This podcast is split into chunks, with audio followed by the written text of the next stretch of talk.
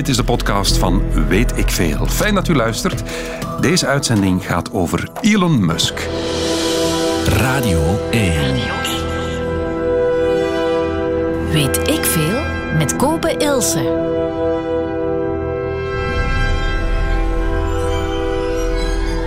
Goedemiddag. We gaan het vandaag in Weet ik Veel hebben over een zeer mysterieus iemand. Nu ja, mysterieus. Hij laat ook heel veel van zichzelf zien.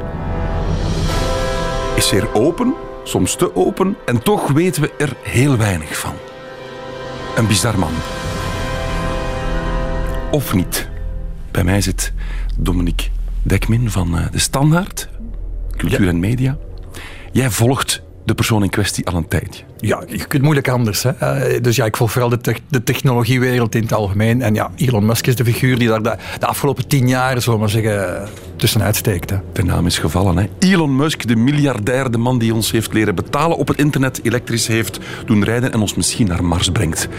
Daar gaan we het vandaag over hebben in Weet ik Veel. Fijn dat u luistert. Weet ik veel? When I was a little kid, I was really scared of the dark. But then I, I sort of came to understand okay, well, dark just means really the absence of, of photons in the visible wavelength, 400 to 700 nanometers. Once one of the kids said to him, Look at the moon, it's a billion miles away. And he said, Well, no, it's actually under 250,000 miles away. Het gaat over Elon Musk vandaag. Iemand die dus zei dat hij als kind bang was in het donker, maar dan besefte als nerd van nee, dat is eigenlijk gewoon de afwezigheid van fotonen, dus ik moet nergens bang voor zijn. Typeert hem dat, Dominic Dekman?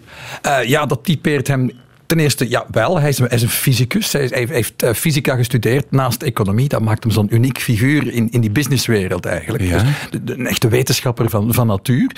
Uh, maar wat hem ook typeert is dat hij wel een beetje houdt van het, het creëren van zijn eigen mythe. Hè. Bijvoorbeeld, hij, hij, vertelt graag dat hij in de tijd, toen hij alle boeken in de schoolbibliotheek had uitgelezen, dat hij toen aan de Encyclopedia Britannica is begonnen. Wikipedia had je toen nog niet. En dat hij die volledig heeft uitgelezen. En dat hij daarom dingen zoals die afstand van de maan van buiten wist. Want hij heeft wel, naar het schijnt, een, ja, een bijna absoluut uh, fotografisch ook geheugen. Heb jij hem ooit ontmoet of ben je in de buurt geweest van hem? Nee, nee dat moet ik erbij zeggen.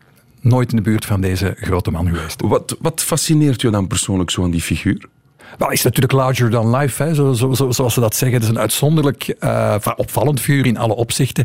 En ja, aan de ene kant uh, merk je duidelijk, wat een afschuwelijke man moet dat zijn om mee, mee samen te werken, om, om mee te leven. En, en, ja, ja, absoluut uh, onhebbelijk, onhebbelijk man. En aan de andere kant ja, realiseert hij fantastische dingen. Hè.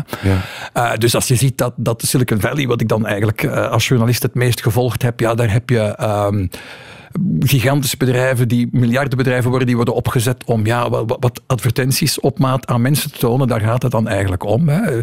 We, we gaan... We, de, de topgeesten ter wereld worden ingezet om, om advertenties te tonen aan mensen. Facebook en daar heb je ja. ja, Facebook, Twitter, al die bedrijven, de reclamebedrijven erachter, Google. En dan heb je dan die ene figuur die zegt van we gaan naar Mars.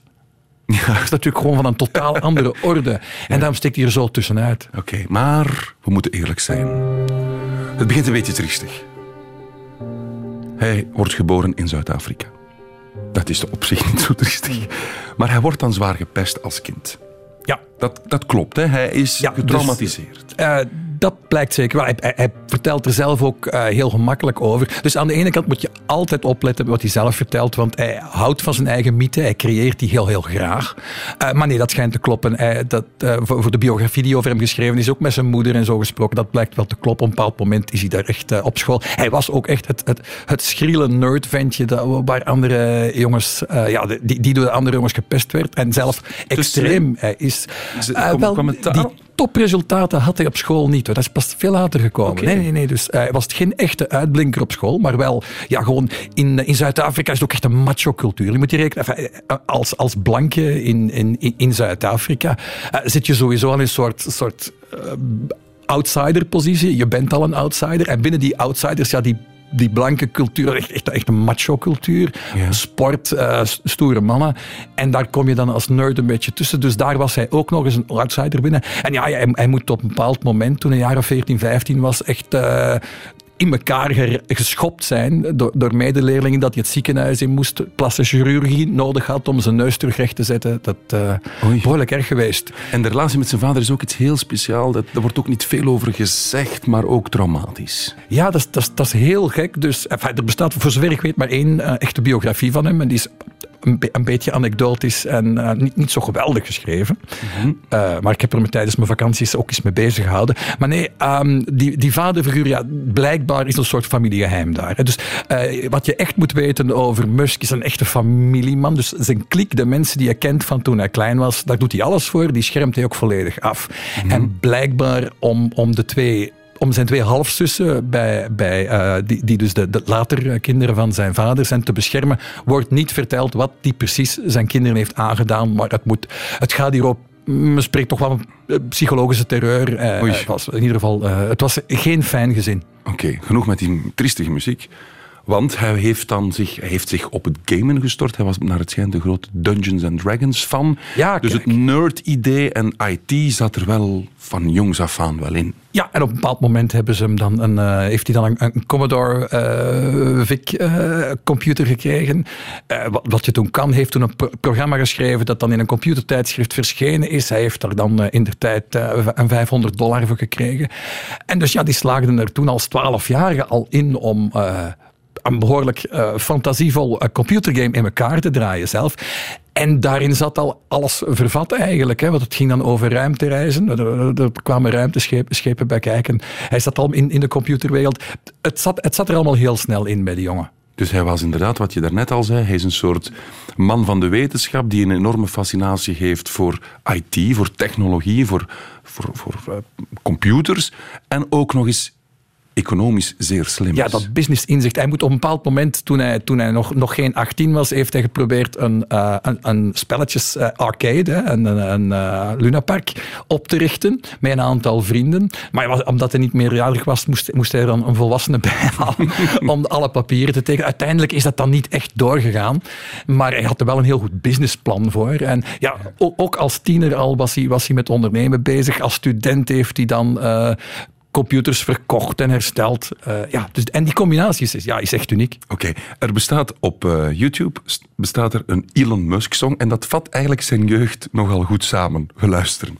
In 1971, under the South African sun, was born a boy so dear to a gorgeous model and an engineer.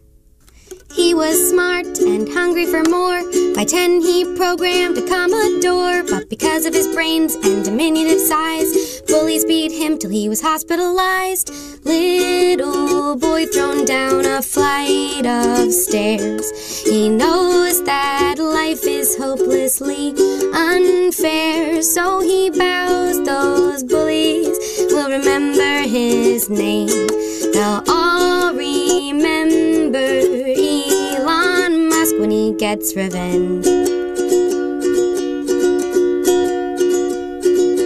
It's 1995, can you see? Elon's 24 and he's angry. He creates Zip2 with 28k, makes 307 million in 1400 days. In 1999, Musk swears he shall co-found a company named PayPal. He fights because he's CEO, doesn't want the company to be a part of Windows.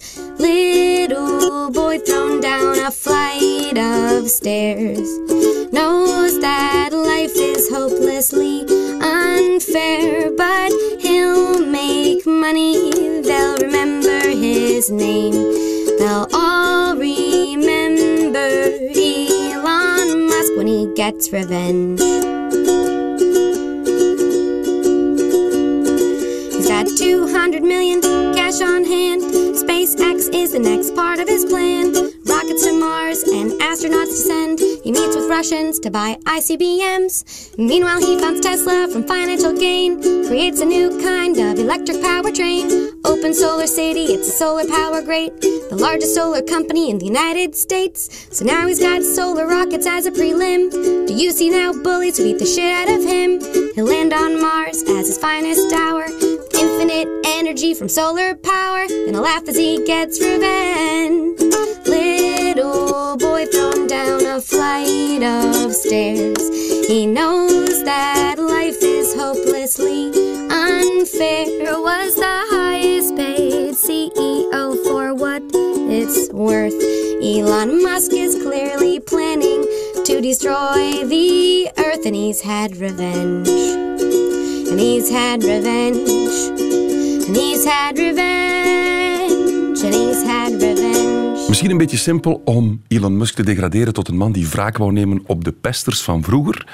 Maar zou het toch niet, Dominic Dekmeen, een beetje die energiestoot geweest zijn die hij nodig had om de wereld te veroveren? Wat in je jeugd gebeurt, bepaalt toch echt wel heel veel. Hè? Maar zoals ik net al zei, het maakt een beetje deel uit van die mythe die je van zichzelf creëert. Wat hij, wat hij graag probeert te laten zien is, ik ben niet zoals die, die andere mensen in Silicon Valley.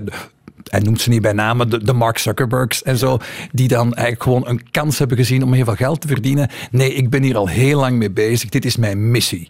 Hè, dat is niet zomaar een praatje dat, dat, dat goed overkomt in interviews. Eh, dat, is ook heel, dat is ook het wapen eigenlijk, waarmee hij de, de absolute topmensen voor zich laat werken. Zelfs op het moment dat hij eigenlijk weinig geld heeft gehad om ze te betalen. Hij heeft een inspirerend verhaal. Hij wil ergens naartoe. En ten eerste, is dat verhaal denk ik grotendeels waar. Ik denk dat dat ook echt klopt, dat, dat hij dat al zo lang wil en dat dat voor een stuk inderdaad, ja, dat outsidergevoel dat hij vroeger had en ik ga eens laten zien wie gelijk had, ja, dat zit erin. Eh, en tegelijkertijd weet hij ook wel dat dat eh, een goed personage is om te spelen en zijn personage is essentieel om het allemaal te doen werken. Is hij ook gewoon heel slim? Is hij een genie, volgens jou? dat, dat zou, ik, denk, dat, ik denk dat het weinig zin heeft om daar aan te twijfelen. Echt, ja? Eh, ja, natuurlijk. Als, je- als, hij als je top- gewoon met heel slimme mensen, want dat is ook slim. die twee, je hebt die twee dingen. Hè? Dus eh, Musk wordt eh, tot in de treuren vergeleken met Steve Jobs. Apple vroeger. Voilà, van Apple vroeger. En het is een heel interessante vergelijking, maar ze verschillen heel erg in, in een aantal opzichten. Dus zowel Steve Jobs als, als, als Elon Musk hebben eigenlijk, ja, je zou kunnen zeggen, een decennium getekend.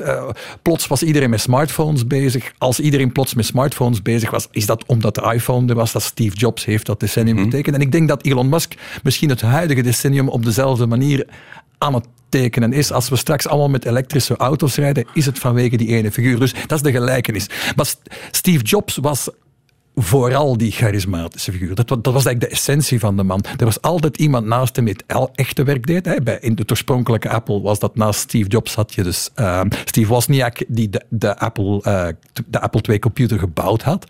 Eh, later waren er verschillende andere figuren, zoals... ehm, Johnny Ive, de, de topdesigner die Apple eh, net verlaten heeft. weg nu, eh, onlangs, hij is dan nu weg. Ja, ik denk een groot, groot, groot verlies. Ehm, bij Musk is dat toch iets anders. Ja, hij trekt de absolute topmensen aan. En vooral, hij overtuigt die mensen om zich te pletter te werken voor ja, een hoger doel. Hè? Want we zijn ondertussen een flink stuk de 21ste eeuw in. Het gaat niet meer over materiële dingen alleen, maar het gaat niet over miljardair worden. Nee, het gaat over de wereld veranderen en dat willen ze echt. En hij overtuigt die topingenieurs ook echt van, we gaan samen de wereld veranderen. Maar hij, als, hij, als hij die mensen opbelt, dan is het niet zomaar om ze op te jagen, maar om te vragen hoe zit het nu met de lasnaad op die raket. Of eh, hij, is, hij gaat enorm, enorm diep in de, in de details. Of hij dat allemaal even goed begrijpt, is niet zo altijd bekend. Sommige dingen minder. Eh, maar omdat hij zo'n fenomenaal geheugen heeft, eh, kan hij over alles met iedereen meepraten. Ja, je zegt nu dat hij dit decennium aan het tekenen is, maar ik herinner me eind jaren 90, toen ik op het internet iets wou aankopen, dat was moeilijk. Hij is dan zo slim om dat ook te voelen, te merken, en hij richt dan die PayPal, wat eigenlijk zijn grote cash cow... wel, wel. Oei, nee, Eigenlijk strikt genomen. Nee hij, is, hij- nee, er staat op zijn Wikipedia-pagina wel eh, co-founder van Voilà. PayPal. Maar eh, co-founder is, is eigenlijk een eretitel. Daar moet je mee opletten. Dus Tesla en PayPal, twee van de bedrijven waar, eh, waar eh, Musk mee wordt geassocieerd, heeft hij op, in wezen niet opgericht. Maar is hij met terugwerkende kracht wel Ah, oprichter van gemaakt. Nee, hij had een ander bedrijf opgericht dat eh, in, eh, in 1999 dat eh, XCOM heette. En dat is gefuseerd met PayPal. Ah. En zijn idee was veel ambitieuzer. Hij wilde eigenlijk een online bank maken. Eigenlijk, wat hij voorstelde lag dichter bij wat eh, Facebook onlangs heeft aangekondigd met bitcoin. Libra. Hè? Eh, ja, Nee, het was geen eigen munt, maar het zat dichter bij het soort plannen dat Facebook nu heeft eh, eh, bekendgemaakt rond Libra. Dus om echt het hele internationale betaalverkeer en, en bankdiensten toekoer te gaan aanbieden, daar is hij aan begonnen. Maar omdat hij zelf eh, flink rijk was geworden van zijn eerste internetbedrijfje, het werd daar net eh, in het liedje genoemd. Met Zip was het, hè? Zip2. Ja, dat was een soort verre voorloper van Yelp, moet je zeggen. Maar dat heeft hij ver- verkocht voor relatief veel geld. Het was, niet- het was niet zo denderend goed aan het gaan, maar op dat moment kon je eigenlijk elk, elk internetbedrijf internetbedrijf wel voor veel gaat 100 verkopen. miljoen hoorde ik je Ja, voilà. maar hij heeft er, laten we zeggen, een 20 miljoen aan overgehouden, zelf persoonlijk. En die heeft hij onmiddellijk volledig gestoken in zijn nieuwe bedrijf XCOM. En dat, dat heeft het grote verschil gemaakt. Want op dat moment was er een ander bedrijfje, dat had PayPal dan uitgevonden. Er zat ook een hele slimme man, eh, de echte vader van PayPal, Peter Thiel. eh, ondertussen een berucht figuur, daar kun je ook uren over vertellen. Eh, maar die twee, die twee bedrijven zijn dan gefuseerd en men heeft dan beslist van de- dat PayPal, het idee van Peter Thiel, dat is eigenlijk beter, we gaan vooral dat doen. Eh, en Musk was, maar Musk had het meeste geld. Want hij had alles van zijn vorige investering volledig in het bedrijf. Dus hij was de grootste aandeelhouder en hij besliste toen eh, ja, hoe, hoe ze het verder ging doen. Tot op een bepaald moment heeft, eh, hebben ze hem dus buiten gegooid bij PayPal. Omdat enfin, er was een, een meningsverschil over de richting. En toen is hij met, eh, met raketten gaan spelen. Dat, en dan sp- spreken we 2001. Nadat hij al eigenlijk al weg was, is dan PayPal voor heel veel geld verkocht. Aan eBay heeft het dan gekocht. En plots had hij zoveel geld als hij maar kon eh, denken. Honderden, hè, laten we zeggen 200 miljoen dollar. En dan kon hij met raketten gaan spelen. Ah, dus het was eerst de raketten en dan pas de auto's en dan pas de, de magnetische treinen onder de grond in Los ja. Angeles. Dus de raketten, dat, dat, is echt hem. Dus SpaceX, je moet, je moet het, eh, dus, eh, ho- hoewel hij nu meer geassocieerd wordt met Tesla. Tesla heeft hij niet zelf opgericht. Eh, hij heeft de, het bedrijf wel gesteund in het begin en hij heeft de, echte oprichter, Martin Eberhard, eh buiten gegooid. Eh, moet zeggen zoals het is. Ehm, maar hij was er vrij snel bij en heeft aan Martin Eberhard het geld gegeven voor diens grote idee. Het grote idee van die... Dus het, het, sleutelinzicht van, van Tesla is eigenlijk, we moeten geen een elektrische auto bouwen. Het kan, maar niemand wil hem. Eh, we moeten zorgen dat mensen hem willen. Hoe gaan we dat doen? We maken een een elektrische auto waar je van droomt. Ja. De, de natte droom van elke auto. En die verder geraakt dan 30 kilometer, want dat was het grote probleem. Ja, dat was, ja, dat, op, op, ja, dat was, dat was de grote, dat was de volgende zorg. Maar de eerste zorg van we moeten zoiets begerenswaardig maken. En dus dan moest hij vooral, en dan hadden ze rap door wat de, wat de factor was waarmee je een, een elektrische auto begerenswaardig is, dat is hoe snel die optrekt. Want ja, dat zit gewoon, een elektrische auto, eh, motor is gewoon iets, een, een, heel ander ding dan een benzinemotor. En hup, tot 100 km per uur op 4, 5 seconden, dat kan. Daar gaan we het op spelen. Dat idee was niet van, van Musk, was van, van die Eberhard. Maar die Eberhard was vooral een, een briljant ingenieur. En eh, die kreeg het uiteindelijk niet rond. En op een bepaald, op moment is, is Musk zich meer en meer met de zaak gaan bezighouden. En dan toen het allemaal helemaal uit elkaar aan het storten was, het is het het dieptepunt van de carrière van Musk, het jaar 2008, dat is ongeveer ti- tien jaar geleden. Al het geld dat hij dan verdiend had met de verkoop van PayPal, hij had 200 miljoen. Moet je rekenen dat hij die volledig heeft opgebruikt op acht jaar. En dus een heel klein beetje aan eh, zelfdure auto's voor in rond te rijden, want dat deed hij wel, ook wel een beetje. Maar vooral aan die twee bedrijven, Tesla en SpaceX, eh, daar moet hij elk zo'n 100 miljoen ingestoken had. En hij was plut. Het was allemaal op aan het einde van 2008. Ouch. Ja, en er, was, en er was geen auto en er was wel al een raket één keer de lucht ingeraakt. Ja. Maar ontploft. Nee, die, uiteindelijk op het einde van 2008, dan komt het goed. Dan is die, e- die laatste raket die ze nog hadden, ze konden nog één afvuren. Om hem snel ter plaatse te krijgen, steken ze hem in een vliegtuig in plaats van hem per boot te doen. Waardoor door het drukverschil in het vliegtuig raakt hij ingedeukt. Moeten ze hem op het laatste moment nog volledig herbouwen. En uiteindelijk raakt die raket dan eind 2008 de lucht in.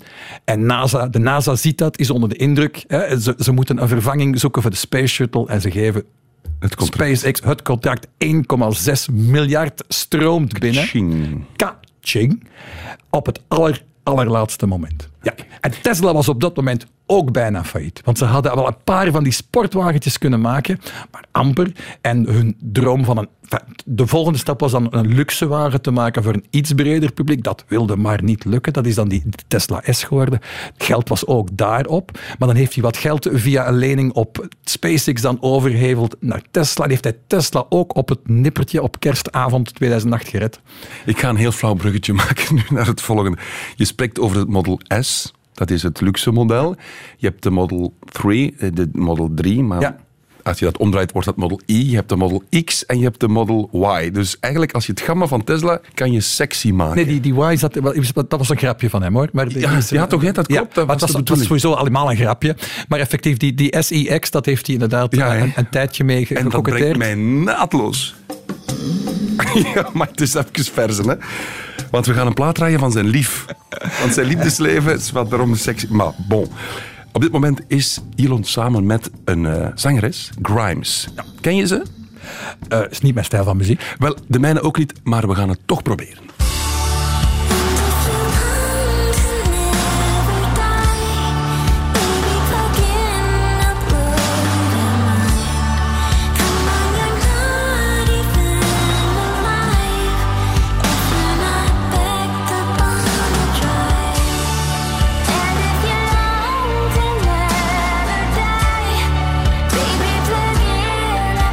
Waarom draaien we dit eh, geweldig nummer We Appreciate Power van Grimes? Omdat dat het lief is op dit moment, want het durft al eens variëren. Hij heeft nogal andere vrouwen versleten. Van eh, Elon Musk en daar gaat het over vandaag in Weet ik Veel. Work like hell. I mean, you just have to put in 80 to 100 hour weeks every week. If other people are putting in 40 hour work weeks and you're putting in 100 hour work weeks, then even if you're doing the same thing, you know that you, you will achieve in months what it takes them a year to achieve. Je hoorde de stem van Elon Musk. Bij mij in de studio, Dominique Dekmin van eh, De Standaard, volgt de man al enige tijd. Ja, je kan er eigenlijk niet meer naast kijken. Als je technologie volgt, dan volg je ook Musk. Wat hij daar zegt, typeert hem dat ook weer. Als je 100 uur per week werkt, ja, dan kan je gewoon... Of dan bereik je in de helft van de tijd hetzelfde wat iemand doet die dan 40 of 50 uur per week werkt. Wat al een pittige werkweek is. Dat natuurlijk wat, inderdaad, eh, dat, dat is zijn verhaal. Hè. Dus hij werkt zichzelf te pletter. Absoluut. En hij eist dat ook van iedereen rond hem. En als je dat eist zonder het zelf te doen, dat is een beetje moeilijker. Eh, dus eh, hij schijnt, een soort, theorie bij, bij, SpaceX schijnt te zijn als je, als je, ja, één topingenieur is, is er drie, is drie gewone ingenieurs waard, maar hij wil hij alleen de absolute top. En die absolute top die wil hij dan ook dat hij zich te pletter werken. Hij moet ooit eens een keer naar een universiteit gebeld hebben van hebben jullie nog van die topmensen die nu aan het afstuderen zijn, ze mogen geen gezin hebben. Ah, dat, dat, dat, kwam er onmiddellijk bij. Onmiddellijk erbij, ja. Ik kan me wel voorstellen, als je dan rechtstreeks voor zo'n man kan of moet of wil werken, dat je wel besmet wordt met die drive. Wel, niet iedereen. Er valt heel wat volk af. Hè. Dus, Ah, dat, dus ja, natuurlijk. En als, de, als je dus de, de ongelukkige mensen... eh, eh, de, het, het, is een accidentenparcours ook. Het zijn on- onderweg naar die successen zijn er heel veel mensen afgevallen, vaak op, eh, op ongenadige manieren. Zijn, zijn rechterhand, die dame die hem... eh, die bij, bij SpaceX hem eh, eigenlijk eh, ja, tien jaar lang alles, alles voor in orde, oh, bracht. Ja, op een bepaald moment zegt hij dan van ja, maar al die, al die mannen die worden meer betaald dan ik, mag, mag ik ook misschien ook wat, wat opslag? En heeft hij haar op staande voet ontslagen. Zou het een aangename man zijn, denk je? Nee, nee, nee, absoluut niet. Zou over Steve Jobs wordt ook gezegd dat was een, een hurk van een vent. Hè? Ja, wel dat precies. En ik, ik, denk, ik denk dat je dat eh, van, van Musk nog meer kunt zeggen. In die zin dat het bijna onmogelijk moet zijn om met die mensen samen te leven. Eh, dat dat ook eh, weinig mensen lukt. maar dat wil niet zeggen dat hij niet... dus dat, dat had ik al eerder gezegd. Familieman is hij zeker. Hè? Dus ehm, hij en zijn broer... ehm, Ehm, Kimball Musk, eh, die, die betrokken was bij een aantal van de bedrijven. Hij, hij, hij zit er altijd wel ergens bij. Hè? Dus, dus die, die mannen zijn heel, heel dicht. Eh, maar ook daarmee is de omgang eh, ja, ook, ook moeilijk naar het schijnt. In toen dat ze samen dat eerste bedrijf hadden, Zip2, dan als, als ze het dan oneens waren, dan waren het blijkbaar letterlijk vuistgevechten op de bedrijfsvloer. Vuisten. Dat was blijkbaar eh, waarvan die Kimball dan ooit gezegd heeft van ja, met andere mensen vecht ik niet, maar goh, als, ik, als, als, als ik van mening verschil met Elon, ja, goh, dan is er gewoon niks anders aan te doen. Ja, hij durft de pedalen wel eens verliezen. Dat zeker. Op, de, op, op Twitter ook. Hè? Dat, dan, dan zie je hem opeens over beurswaarde tweeten. Word je op de vingers getikt? Hoe zat dat precies? Ja, dat zijn, enfin, hij heeft verschillende keren uit de bocht gegaan, maar vorig jaar was het dan eh, net ietsje te veel. Hè. Dus hij heeft Twitter altijd gebruikt als manier om rechtstreeks met het publiek te spreken. Zo, dat doe je zo. Hè. Hij, hij, hij ligt ook constant overhoop met de reguliere media, omdat die wel eens een keer schrijven dat eh, de financiële situatie van vooral van Tesla dan niet zo gezond is, wat ook zo is. Maar hij heeft niet graag dat dat, dat geschreven wordt. En dan probeert hij zijn eigen communicatiekanaal op te zetten op Twitter. Dat, dat is op zich een, een spontaan gebeuren, denk ik. Eh, maar het, het is ook wel doordacht. En op een bepaald moment dan, ja, in zijn oorlog die hij heeft, eh, ja, dat moet ik er nog even bij vertellen. Dit wordt een beetje ingewikkeld, maar er is zijn oorlog al jaren tegen de short sellers. En short sellers zijn beleggers die speculeren dat een bepaald aandeel in waarde gaat zakken. Maar heel specifiek, Tesla is het bedrijf waar het meeste short sellers mee actief zijn. Er zijn, er zijn heel veel heel rijke mensen die speculeren dat Op de grote zeggen- Voilà, de grote val van Tesla. Dat is niet sinds, sinds enkele jaren zo, dat is van het hele begin zo. Maar op, op het meeste was dat zo. Dus toen het bijna gedaan was, 2007, 2008, enorm veel mensen hebben heel veel geld ingezet dat ze alleen maar konden terugwinnen als hij op zijn gezicht ging. En ja, Elon Musk haat die mensen. En dus als hij op een bepaald moment denkt van de shorters, de shorters hè, ga- gaan, gaan incasseren, dan zal hij goed nieuws aankondigen. Via Twitter. Zelfs via Twitter. Zelfs als het niet noodzakelijk helemaal waar is om hè, die... Dat zegt hij ook zelf. Hè. Hij, gaat die, hij gaat die shorters eens een keer lik op stuk Ja, geven. maar dan komt die en op dat beurswakkel moment zegt hij... natuurlijk zeggen en- van ja, maar ho, dat mag zo Ja, maar niet, op een bepaald moment zegt hij van kijk, eh, ja, die aandelen waren wat aan het slabakken. En zegt hij van ja, maar ik ga het gewoon eh, zelf terug op... We gaan Tesla terug opkopen, van de markt halen aan een prijs van 420 dollar per aandeel. Eh, funding secured, het geld ligt klaar. Dat was niet waar. Dus hij zegt, hij zegt plots, ik ga die aandelen... Of ik heb een financier opkopen. die al die aandelen gaat opkopen aan 420 dollar per stuk. Met andere woorden, ze zijn 420 dollar per stuk waard. Dus de dag nadien, als de beurs open gaat, denken heel wat speculanten, ah, dat aandeel gaat naar 420 Ja, dat zou je dan denken. Dat is, dat is wat het, eigenlijk, dat dat is wat het eigenlijk betekent. Wat, Ja. wat eigenlijk niet waar is. Dus die beurs wordt dat is, dat, omhoog voilà, dat, is, dat, is, dat, dat is aandelenmanipulatie. Je mag dat niet doen. Nee. En Elon Musk moet dat ook wel weten. En toch op dat moment in zijn woede tegen die shortsellers, waarvan hij denkt van ze zouden wel eens kunnen winnen, want zijn bedrijf zit in zware moeilijkheden. Hij krijgt die Model 3 auto's eh, die voor het grote geld moeten zorgen. Daar, daar moet het dagelijks geld vandaan komen voor Tesla. En dat is ook zijn doel geweest. Ik wil een, een elektrische auto voor het grote publiek maken. En ja, hij krijgt die machines niet geproduceerd. Eh, eh, Zijn hele bedrijf dreigt onderuit te gaan. Een aantal mensen dreigen daar schatrijk van te worden. En om die mensen, hè, die parasieten, zoals hij ze echt ziet, lik op stuk te geven, doet hij daar iets waarvan hij goed genoeg weet dat hij dat niet mag doen. En dan gaat hij ook nog een joint roken op de radio. So is that a joint? Or is it a cigar? No, Okay. it's um, marijuana it's inside of uh, tobacco. Oh, okay. So it's like posh, pot tobacco yeah. posh. You never had that? yeah, I think I tried one once. Come on, man. You probably can't because stockholders, right? I mean, it's legal, right? It's totally legal. Okay. How does that work? Do people get upset at you if you do certain things? Weet ik veel.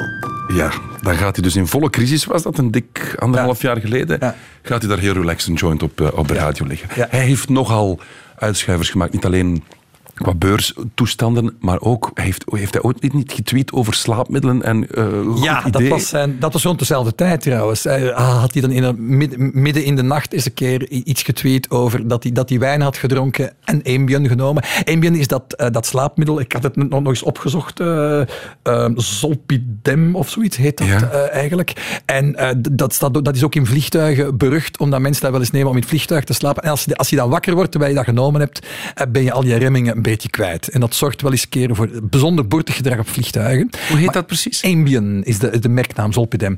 En dus, eh, ik heb het zelf nog niet geprobeerd, dus ik kan er verder niks over vertellen. Maar hij dus wel. En hij gaf het dan eh, grif toe dat hij, dat hij dus Ambien gepakt had, maar dus niet aan het slapen was. En als je, zo, als je het pakt en niet slaapt, ben je, ben je wel een beetje in, in andere sferen. En dus dat tweette hij dan vier rond dat hij Ambien en wijn had geconsumeerd en dat de combinatie magic was, schreef hij. Weet ik veel? We zijn het jaar 2033. Vijftien jaar geleden stuurde SpaceX de eerste twee gewone mensen naar de maan. Inmiddels doen ze het met hele groepen tegelijk. En dat voor een buitengewoon lage prijs dankzij... Hallo, mijn naam is Xavier van Ruimtereizen Xavier. Steeds paraat met de meest buitenaardse aanbiedingen. Weet ik veel? Ongeveer 10 minuten voor de geplande landing in de oceaan, de zogenoemde splashdown, verscheen Crew Dragon dan voor het eerst aan de hemel. De parachutes klapten uit en om kwart voor drie, perfect zoals gepland, landde Dragon voor de kust van Florida. Het hele project is een mijlpaal voor de commerciële ruimtevaart. Voor het eerst is een samenwerking tussen de Amerikaanse ruimtevaartorganisatie NASA en een privébedrijf, SpaceX, van ondernemer Elon Musk, met succes afgerond. A little emotionally exhausted uh, because uh, that was super stressful. Het gaat vandaag in Weet ik veel over Elon Musk met wetenschapsjournalist, media, cultuurjournalist Dominic Dekman van de Standaard. We hebben al veel gehoord over de man, fascinerend figuur. Is hij uitverteld, denk je? In ieder geval niet. In ieder geval niet. Nee, dus eh, hij is met honderden dingen tegelijk bezig. Typerend, typerend aan Musk is dat hij als, als hij één doel bereikt, en dat doet hij dan uit- eh, altijd met heel veel moeite bereikt hij het dan uiteindelijk toch jaren nadat hij het geprobeerd heeft. En terwijl hij tot het uiterste is gegaan, dan haalt hij het doel, maar dan heeft hij het volgende doel al gesteld. Dat, dat, dat is de reden dat je eigenlijk... Want je zei het daarnet, Tesla is eigenlijk nog altijd verlieslatend. Vindt hij van zichzelf dat Tesla geslaagd is? Wel, Tesla is eh, bij momenten winst- winstgevend, bij momenten verlieslatend. Het gaat een beetje op en neer. Eh, Maar omdat het over zo'n geweldige bedragen gaat en ook over die, enorm hoge beurskoers, is daar, laten we zeggen, daar staat een machinerie-instelling die op op heel korte tijd heel, heel zwaar onderuit kan gaan. Er zijn al kwartalen geweest dat ze winst gemaakt hebben, maar dat kan, het kan zo onderuit Zou jij gaan. vandaag een aandeel kopen van Tesla? Eh, ik zou sowieso... Nou, dat lijkt me heel speculatief. Eh, dus nee, ik, denk- ik denk dat die, die aandelen waarschijnlijk ook... Ja, je koopt eigenlijk een deel eh, de mythe Musk. En dat Lucht is, dat dus is heel ook. gevaarlijk. Dus ook wel lucht, ja, absoluut. Ja, en je gaan- moet rekenen dat het aandeel eigenlijk ja, tien keer hoger... of tenminste, het staat zo hoog ge- ge- ge- genoteerd als andere autobedrijven zoals Ford en GM, die tien, tienmaal à twintigmaal hogere omzetten hebben. Hè. Dus het is eigenlijk een piepklein bedrijf met een gigantische beurswaarde. Dat is allemaal van op het idee van, ja, maar ze gaan nog veel groter worden. En dat is eigenlijk allemaal gebouwd op de mythe Musk. Oké, we gaan eens in de toekomst this kijken. is, this is one of the Oh nee, dat is het verkeerde. Wacht even. Dominique, ik had hier iets klaar. Ja, we gaan in de toekomst kijken. Dat is beter. We vergeten Tesla. We vergeten PayPal. Dat is achter de rug. Dan hoor ik en lees ik dingen in Musk zijn leven à la Hyperloop. er Marsreizen. Wat is daarvan realistisch? Ja, of het realistisch is. wat, is wat is haalbaar? Ehm, wel, wat Musk zo typeert, is dat hij voor dingen gaat die amper haalbaar lijken. En dat hij dan eh, door pure wilskracht lijkt het wel. En door er alles, alles op in te zetten, dat hij het dan uiteindelijk toch doet. Uiteindelijk, ja, die, die eerste SpaceX-raket de lucht in krijgen. Hij had oorspronkelijk gezegd van, ja, binnen 18 maanden eh, schiet ik hem omhoog. En hij was al, eh, hij was al raketten aan het, aan het, aan, plekjes op die raketten aan het verkopen voor de lancering van satellieten. Dat heeft uiteindelijk niet anderhalf jaar, maar zes jaar geduurd voor die eerste raket de lucht ingeraakte. Dus alles wat hij belooft met een korrel zout te nemen. Maar, hij heeft wel gezegd, we gaan naar Mars. Hij heeft gezegd, naar, ga naar Mars. En ik geloof effectief dat hem dat wel zal lukken. Zal hem dat lukken in 2024? Dat is het jaar dat hij dan, een jaar of twee geleden, heeft hij dan gezegd van, ja, we gaan de eerste, de, de voorraden, gaan we, gaan we in, in 2022 sturen. En dan de eerste bemande missie 2024. Gaat hij dat doen? Vrijwel zeker niet. Dat zou dan de eerste deadline zijn die Elon Musk zichzelf stelt en, en publiek maakt, die hij ook werkelijk haalt. Want hij is altijd niet een beetje, maar veel later dan, dan hij belooft. Wees eens realistisch dan. Wanneer, wanneer zou het kunnen?